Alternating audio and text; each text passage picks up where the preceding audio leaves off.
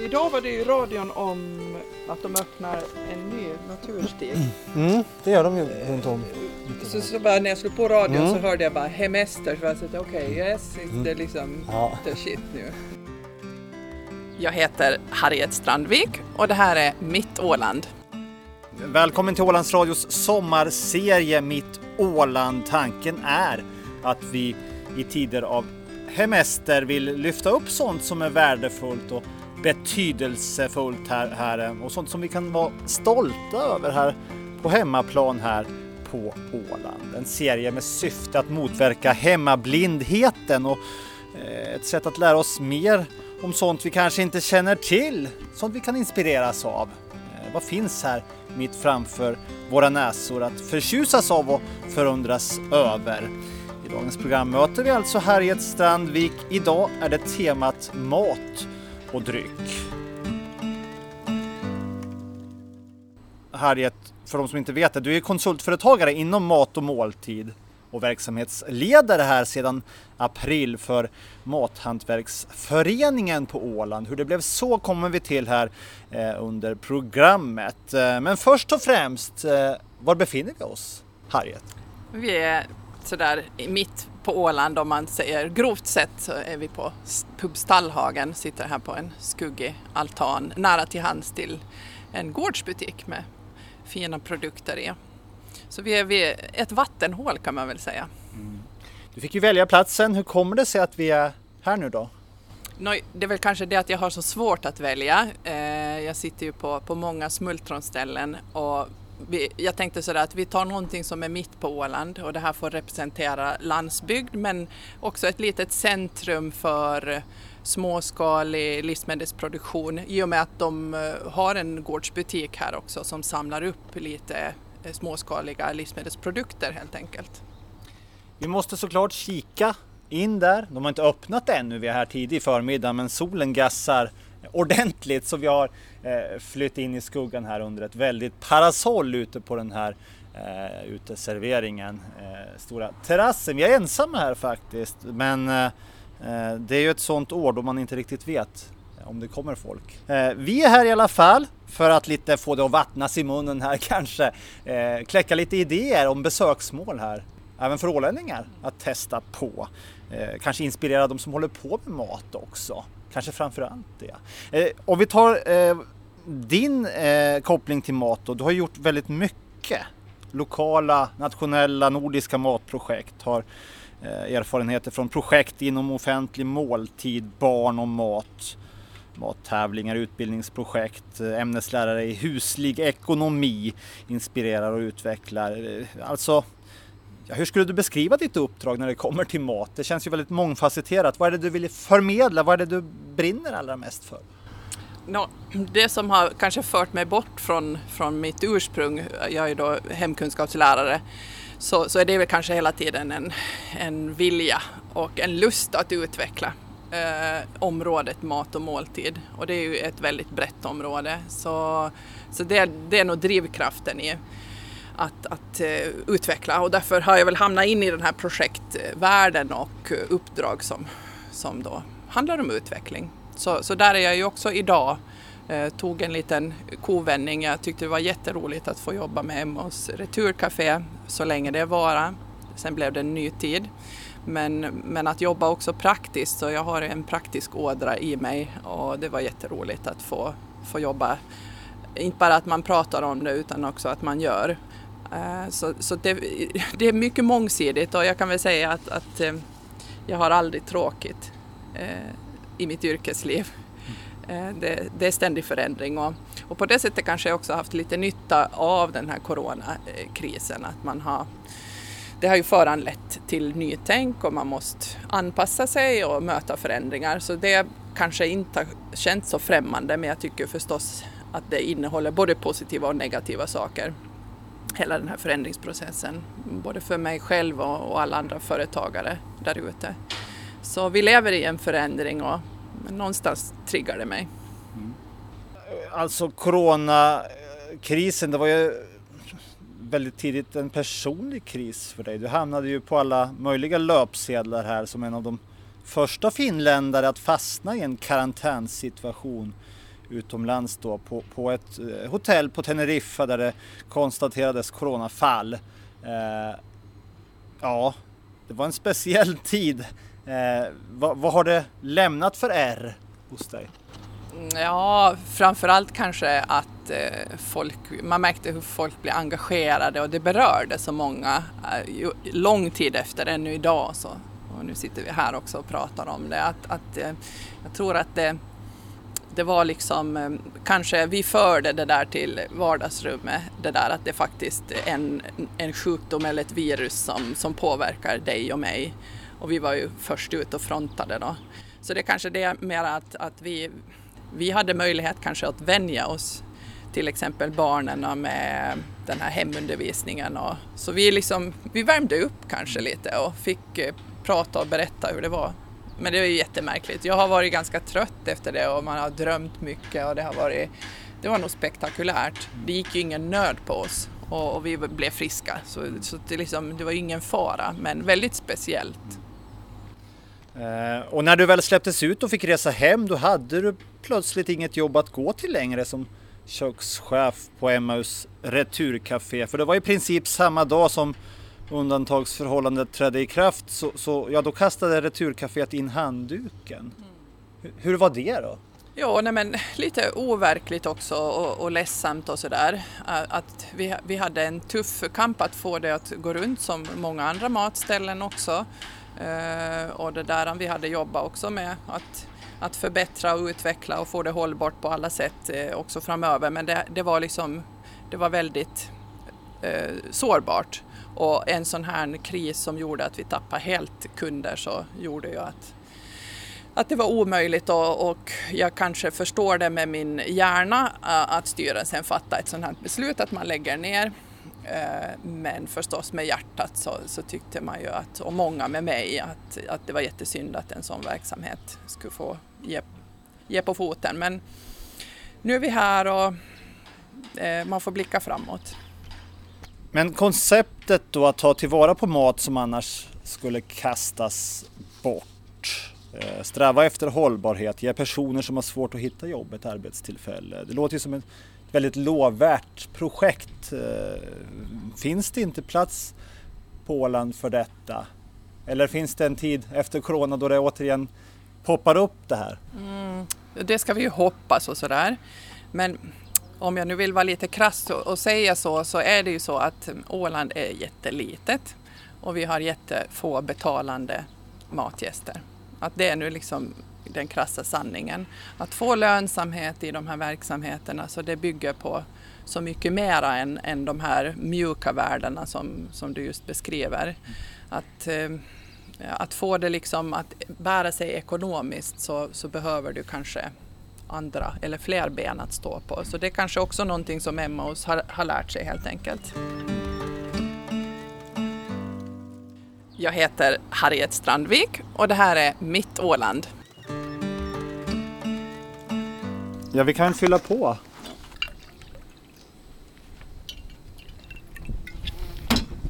Vi sitter ju här då mitt Åland, Harriet Strandvik eh, och, ska ju prata om eh, Eh, det vi har att vara stolta över i matväg här på Åland. Eh, men, men du, du säger här samtidigt att det, det, det, kanske finns skäl att ha en lite krass syn på det här också, vad som funkar och inte. Ett fint hantverk behöver ju inte för den skull gå, gå, gå hem. Hur krasst ser du på, på mat-Åland? Vad som funkar och inte? Eh, nej, men jag är ju optimist och sådär. Nu kom vi in kanske på det här krogperspektivet och, och det är väl en, en sida av det. Men vi är ju liksom ett rikt landskap vad gäller liksom matställen och, och, och några, några klarar sig och några klarar sig inte och, och sådär. Så det, det, är en tuff bit. Men när jag tänker på Matåland så är det ju så mycket mer än bara krogarna.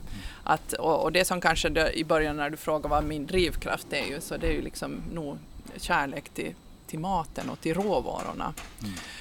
Eh, inte bara kanske platsen var man äter. Eh, så så jag, jag, brukar beskriva Åland som, som eh, ett smultronställe hela Åland. Att vi är fullt med med smultron att plocka. De är lite svåra att hitta. De, kanske, liksom, de finns ju inte överallt, man får leta lite.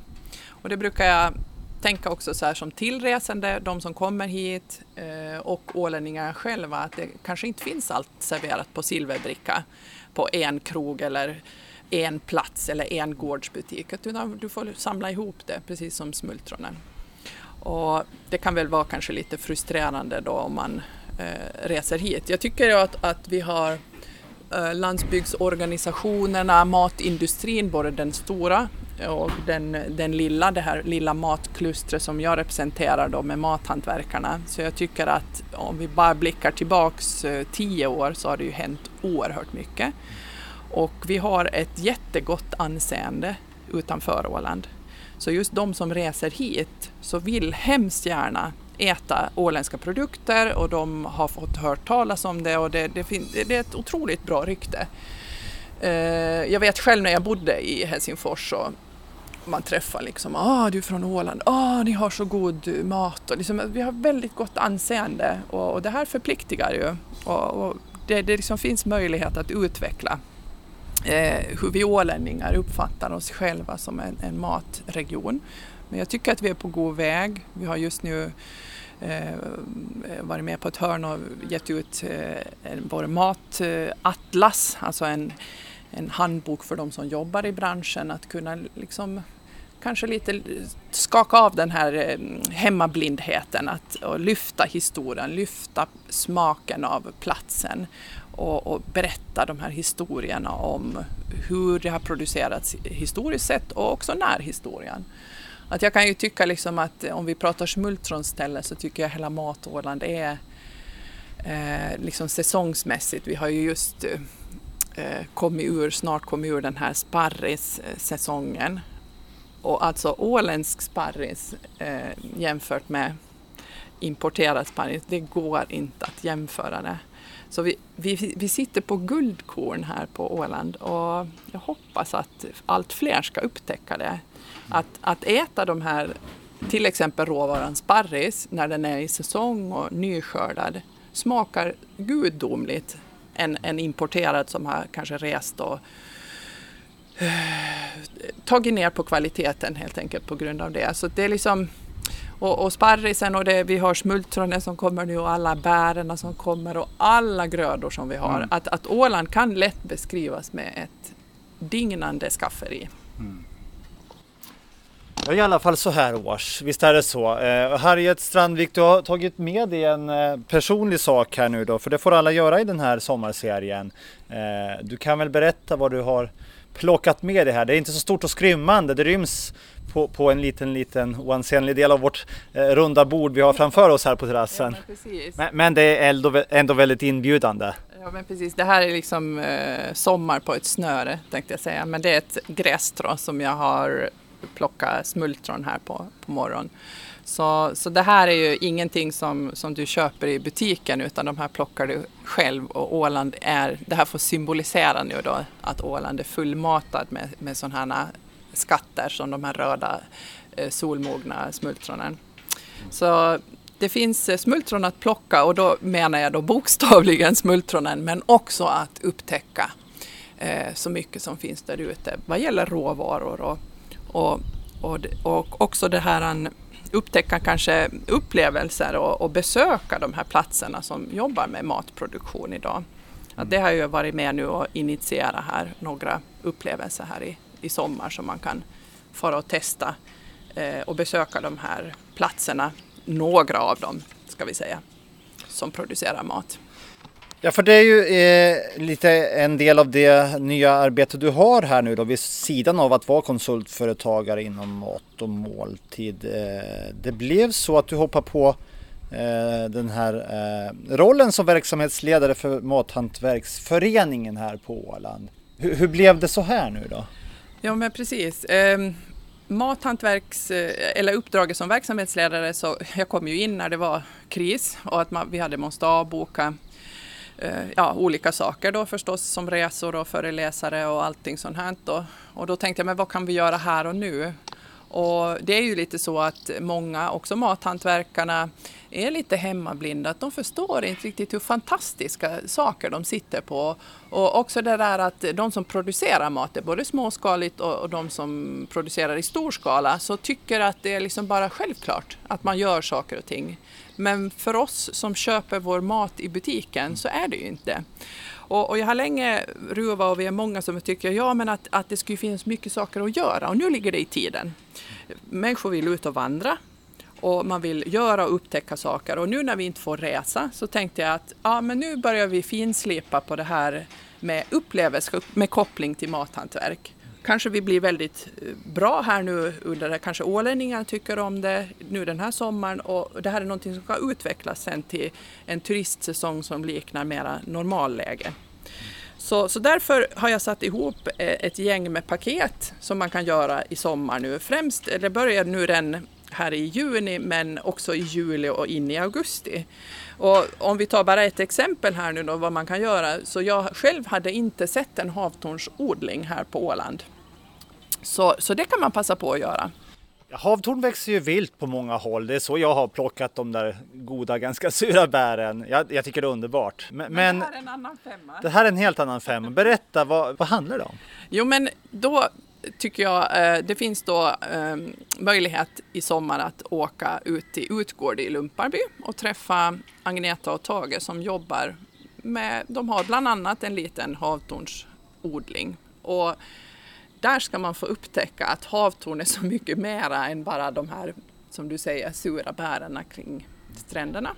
Att det finns också en förädlingsaspekt på det här. Och dessutom så, så kan man också handla produkter som är gjorda av det här, både drycker och, och ätprodukter då av, av havtorn.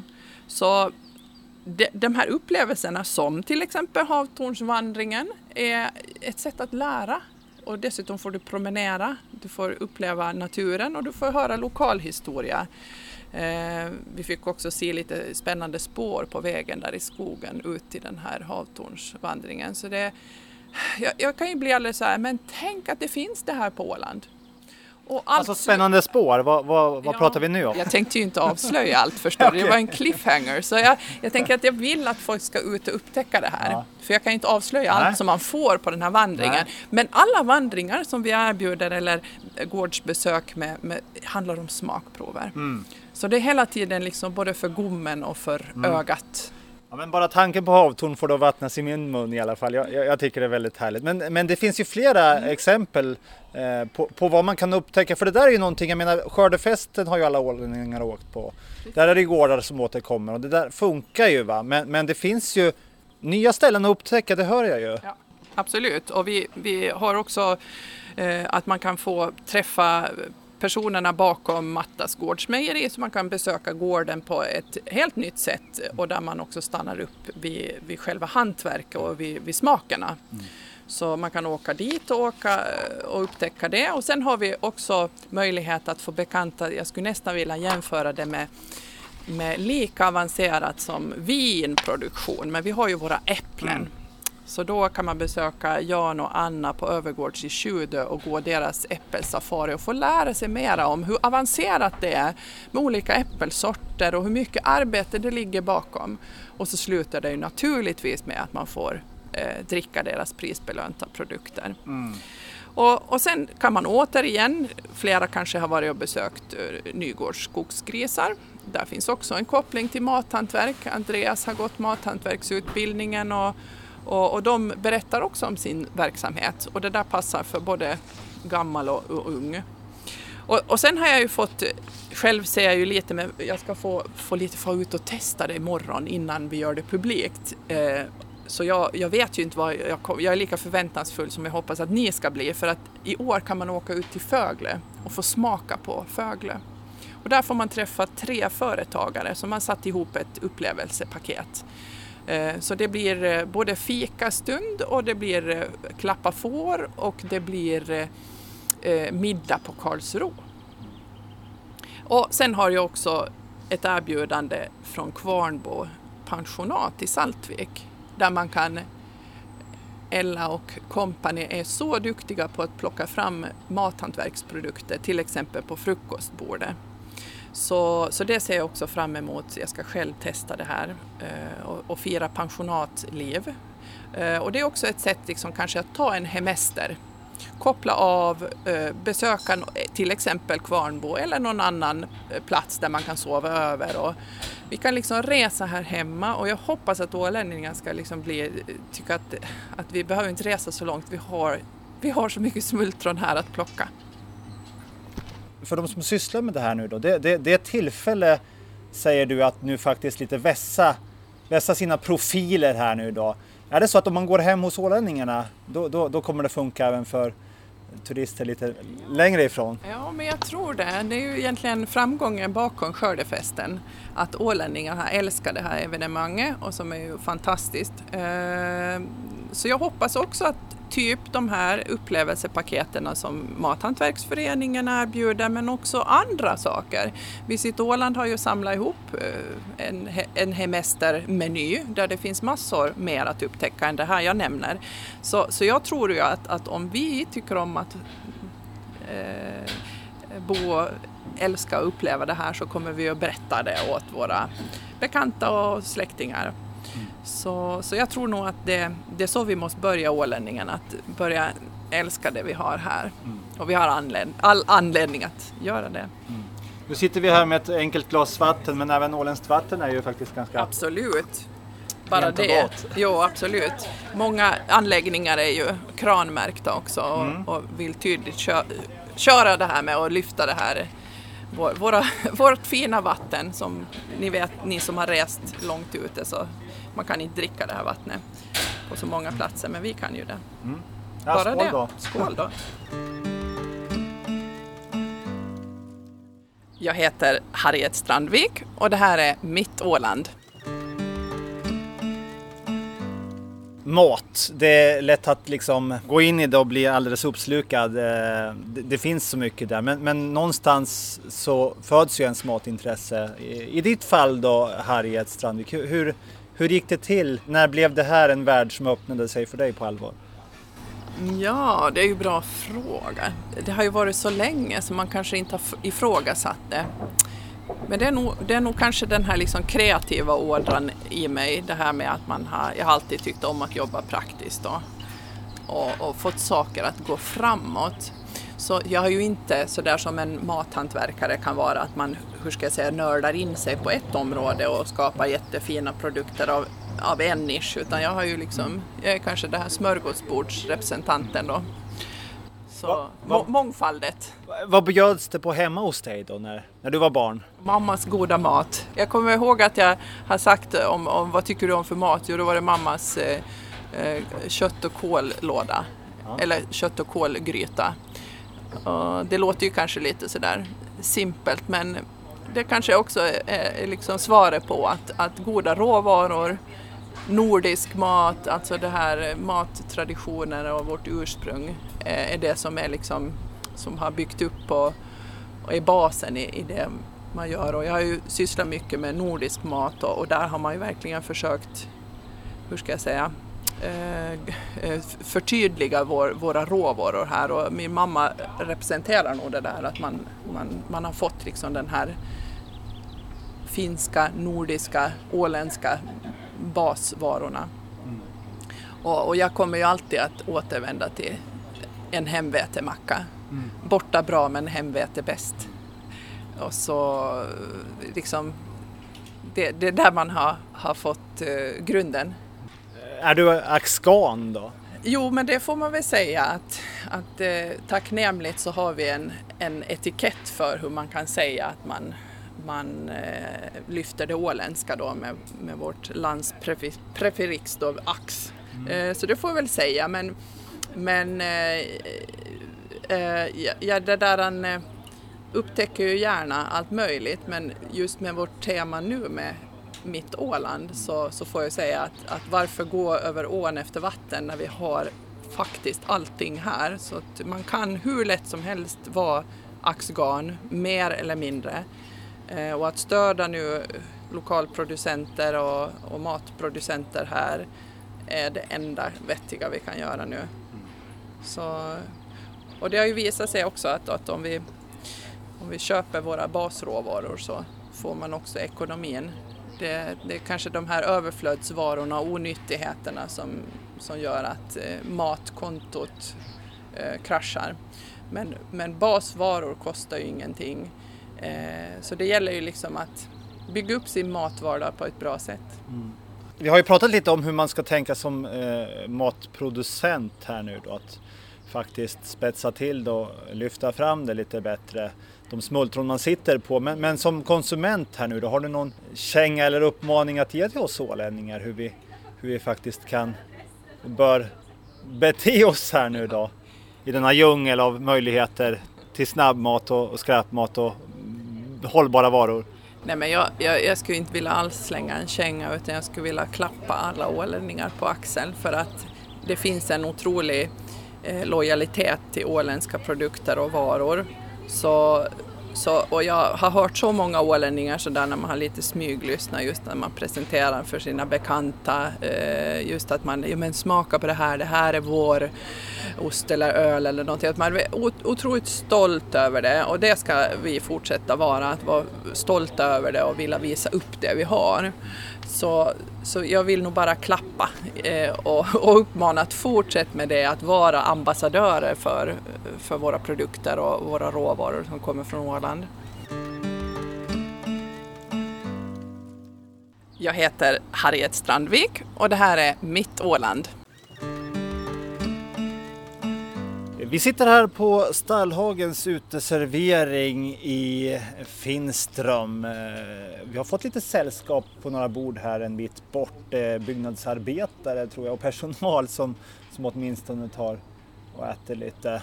Eh, det pågår ett ganska stort byggprojekt här alldeles intill oss. En jättelik, ja nästan globenformad konstruktion med trä och metall här. Jag vet inte faktiskt exakt vad det ska bli men vi kanske kan luska ut det här. Det är säkert någon här som vet i alla fall.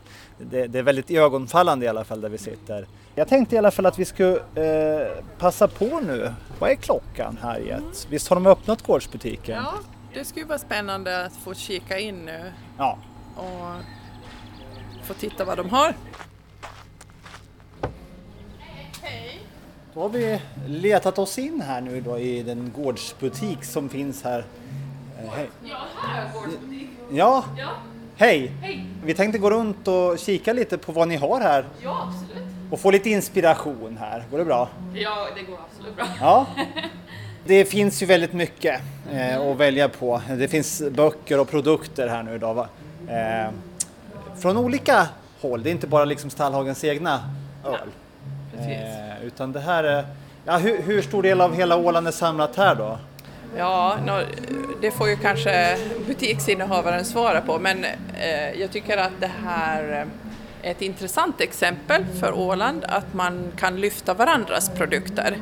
Eh, och det gör man ju på många ställen, inte, inte bara här. Eh, så det här är ju ett jättebra ställe att på landsbygden röra sig och, och här och det är kanske lite det som man behöver kanske tänka på som småskalig livsmedelsproducent och våra mathantverkare, just att man bygger upp flera ben att stå på. Man lyfter varandra, man har upplevelser, saker att göra, man har produkter att köpa eh, och satsar kanske på den här liksom gastroturismen ur ett mm. större perspektiv. Och här ser man ju liksom ett jättebra exempel på, här är ju både förstås huset drycker men här är ju liksom alkoholfria drycker också, våra exempel, jag ser flera olika äppelmustrepresentanter. Vi har olika sorters honung. Här har vi ju bredvid oss också biföreningens hus som genererar honungsprodukter. Mm. Vilket i sig kunde man säkert göra ett eget radioprogram om och mm. berätta hur, hur fantastiskt det är med vår varroafria zon eh, som vi har här på Åland, som alla ålänningar hoppas jag känner till, hur unikt det är i världen. Och vi har också kylda produkter. Eh, så där ser jag både lite charkuterier och ostar mm. och, och kylda drycker också, läskedrycker och marmelader och picklat och så vidare. Det är ju det som är, när man börjar titta runt här nu, så det blir en ganska lång lista om man skulle räkna upp det. Och vi har ju också lite nya snacksprodukter på Åland eh, som de har, har, tagit in här också ser jag. Mm. Ja, nej, men eh, ett dignande bord så jag tycker att vi liksom landar rätt här med tanke på de, det smultronställe jag försöker prata om att Åland är. Men jag menar, om jag tänker bara till min egen uppväxt. Min pappa var mjölkbonde och han kunde ju mjölka och så och plöja och hålla på och skörda. Men inte, inte hade det här passat honom alls att bjuda in folk till hans egen gård och liksom eh, han var kanske inte på det sättet så kreativ och konstnärlig och det måste ju ändå vara så att det inte är för alla det här men- mathantverket. Du, du säger nog en jättebra poäng och, och jag är ju liksom framåt och vill utveckla och, och mm, kanske liksom jobba med den här just utåtsidan, marknadsföringssidan. Eh, och det är helt en jätteviktig poäng du säger, för många primärproducenter så vill producera och är bra på det. Och alla ska få vara bra på det man, man gör. Men just det här att få igång samarbeten, att då din pappa och många säkert med honom gör sitt så kanske det finns andra som kan förädla. Och att försöka hitta de här ja, samarbetena som blir väldigt bra. Eh, alltså potential är jättestort eftersom våra råvaror är så bra. Men, men som sagt, alla kan inte öppna en gårdsbutik eller starta småskalig hantverksmässig produktion. Men, men kanske fler kan göra det. Och i Sverige har man ju jobbat över 20 år längre i Finland än Finland och på Åland med, med just småskalig produktion och mathantverk. Och där har det blivit att de här små mikromejerierna eh, till exempel växer. Man anställer och, och utökar. Så det är nog dit utvecklingen är på väg, att vi behöver de storskaliga, vi behöver bulkprodukter, men vi behöver också sådana här stjärnor som vi kan sätta i en gårdsbutik eller i skyltfönstret och som folk pratar om. Och Här på hyllan bakom det ser jag en jätteprodukt med massor med storytelling, det vill säga den här vrakölen Ja, som får väl representera den här extrema stjärnan på hur man verkligen kan bygga in historien. Eh, så, så Åland är faktiskt liksom otroligt coolt när det gäller de här storiesarna som finns. Och, och vi vill nu också i vårt senaste arbete med, med Meroir Terroir Atlasen just eh, upply- lyfta upp det här med att man, att man berättar de här historierna som skapar mervärde för produkterna. Och ta till exempel äppelmusten. En äppelsort smakar faktiskt olika beroende på var den är producerad, också på Åland. Så en, en jättehäftig aha-upplevelse för ja, en vinkännare skulle väl inte rynka på ögonbrynen, men för oss ålänningar kanske, kan, kan, kan ett, ett och samma äppelsort ha så olika karaktärer beroende på var, det uppväxt, eh, var den har eh, odlats. Så ja, Kan det bero på soltimmar också vilken sommar det var? Det? Absolut, det fick jag lära mig på, på Övergårds. Hur mycket det är som samspelar naturen och människans hand. Och människans hand och kunnande finns med i de här produkterna. Eh, ska vi göra så? För jag vet Harriet Strandvik att du har en, eh, ännu en liten överraskning på, på lur. Vi har faktiskt kunnat hålla oss från att äta upp de där smultronerna. men, men, men du har mer i din lilla väska här. Jo, Ska vi, ska vi gå ut och kika ja, på vad det göra. kan vara? Ja, det kanske blir bäst. Vi byter ställe. Jag heter Harriet Strandvik och det här är Mitt Åland. Harriet Strandvik, eh, den här stunden eh, börjar ju eh, lida mot sitt slut. Programtiden börjar lida mot sitt slut här. Vi har fått eh, hänga med dig här ute vid eh, eh stallhagen och kunnat exemplifiera vad vi har att vara stolta över här på Åland. Vad vi har att inspireras av och upptäcka inom mat, inom dryck. Det finns mycket. Eh, men avslutningsvis, du har ännu en överraskning på, på lur här. Ja, men precis. Egentligen skulle jag vilja plocka fram hela det åländska skafferiet, men tiden och bordet räcker inte till. Nej. det finns så mycket gott. Men jag tog med någonting på uppdrag, uppdrag av dig att jag skulle hämta någonting, så jag, jag tog med den sista slatten i en flaska. En karaff En och, och karaff. färgen, eh, man kan ju associera det till, till äppelmust eller Ja, precis. Men det här är faktiskt eh, min egen eh, hjortronlikör. där känner eh, sista slatten. Så nu börjar det bli dags snart här i nästa månad och plocka mera hjortron. Och varför jag tog med det här så är kanske inte för att briljera med att jag har gjort en egen likör utan mera det att jag vill högakta det bärrike som också Åland är. Vi har förstås odlade bär som säljs, men vi har också vilda bär och vilda grönsaker att plocka hur mycket som helst i vår rena fina natur. Mm. Och speciellt bären och att det finns hjortron, det finns tranbär och det finns förstås blåbär och smultronen som vi pratade om och, och jordgubbarna att plocka. Men speciellt de här skogsbären som är kanske lite udda, det finns på Åland. Många, oj, finns det sånt på Åland? Ja, skogen är full av skatter, precis som Åland. Men nu måste jag fråga, hjortron, jag, jag, jag har någon slags fäbless för orangea bär här känner jag. Nyss var det havtorn, nu är det, nu är det hjortron som jag avgudar. Men det är ju det är svårt att hitta de där rackarna. Jag var eh, till norra Finland och åkte runt i, i Lappland och norra Österbotten i fjol sommar i augusti och tänkte nu, nu hittar jag dem lite överallt här på myrorna. Jag, jag hittar inte ett enda bär.